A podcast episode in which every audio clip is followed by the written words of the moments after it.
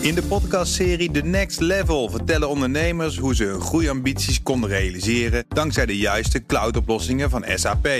Wat waren de uitdagingen, de oplossingen en hoe ging de uiteindelijke implementatie? Benieuwd naar hun verhalen en hoe zij met behulp van SAP ook hun toekomstige ambities kunnen behalen? Luister de podcast The Next Level via de BNR-app of je favoriete podcast-app.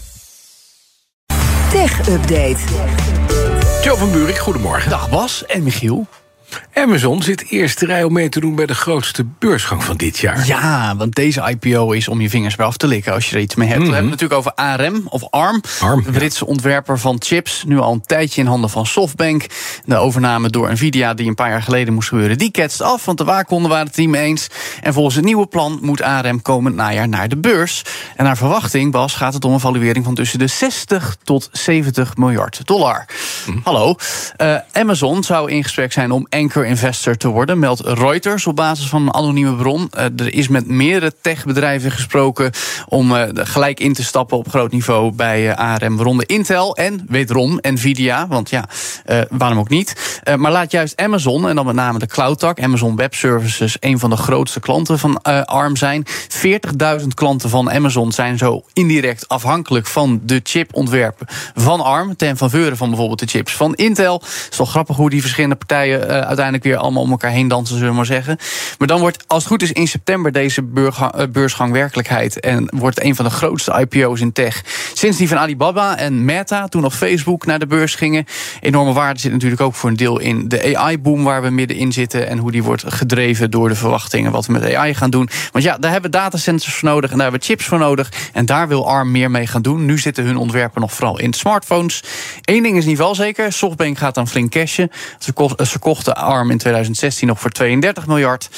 En ja, dat is maar goed ook voor Softbank, want het aandeel is wel met 3,5% gekelderd uh, afgelopen nacht uh, in Japan.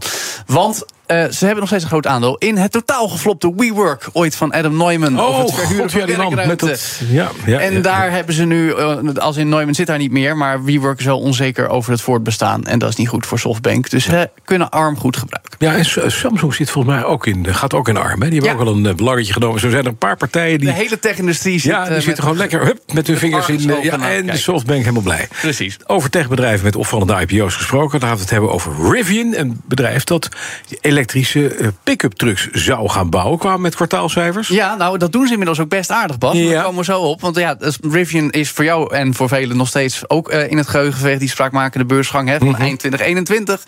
11 miljard dollar bij de IPO. En ja, het bleek best wel lastig om nou. even de productie van elektrische pick-up en nu ook de SUV aan te trappen. Inmiddels gaat het beter, want de doelstelling om uh, dit jaar 50.000 auto's te produceren is verhoogd naar 52.000. Toch verwachten ze daar dat er nog flink gebouwd moet worden aan het merk in allerlei opzichten. Dus er zijn flinke verliezen voorspeld. Over dit hele jaar moet rekening gehouden worden met 4,2 miljard dollar. Is wel 100 miljoen dollar minder verlies dan eerder werd gedacht. Okay. Dus het gaat wat beter. En uh, dat komt mede omdat de omzet ruim 1,1 miljard dollar uh, hoger is uh, over afgelopen kwartaal. Drie keer zo hoog ten opzichte van dezelfde periode in 2022. En zo werden er in de afgelopen drie maanden ruim 12.000 voertuigen daadwerkelijk verkocht. En is er gesneden in hoge kosten door dure contracten met leveranciers te beëindigen. Het aandeel Rivian is eventjes gedipt, maar staat nu alweer ruim 2% in de plus. Als je dat een jaar geleden had voorzien, Bas, ben je toch spekkoper. Want over de afgelopen 12 maanden is een waardestijging van 43% per aandeel. Dat is netjes. Precies. En ik moet ook even nadrukkelijk zeggen, ik ben techkenner met een autohart. Ik kan niet wachten tot Rivian eindelijk naar Europa ja, komt. en dan liefst ook naar Born, want daar hebben we ja. een hele grote autofabriek Precies. staan. Daar kunnen ze zo gebouwd nou ja, worden. Daar hebben ze laatst voor een paar tientallen miljoenen iets moeten afkopen... waar ze over onderhandeld ja. hadden, maar toch niet gedaan hadden. Zo zonde. Maar ze zitten nu wel in Duitsland. Ze hebben nu een paar servicecentra met het busje voor Amazon, de EDV.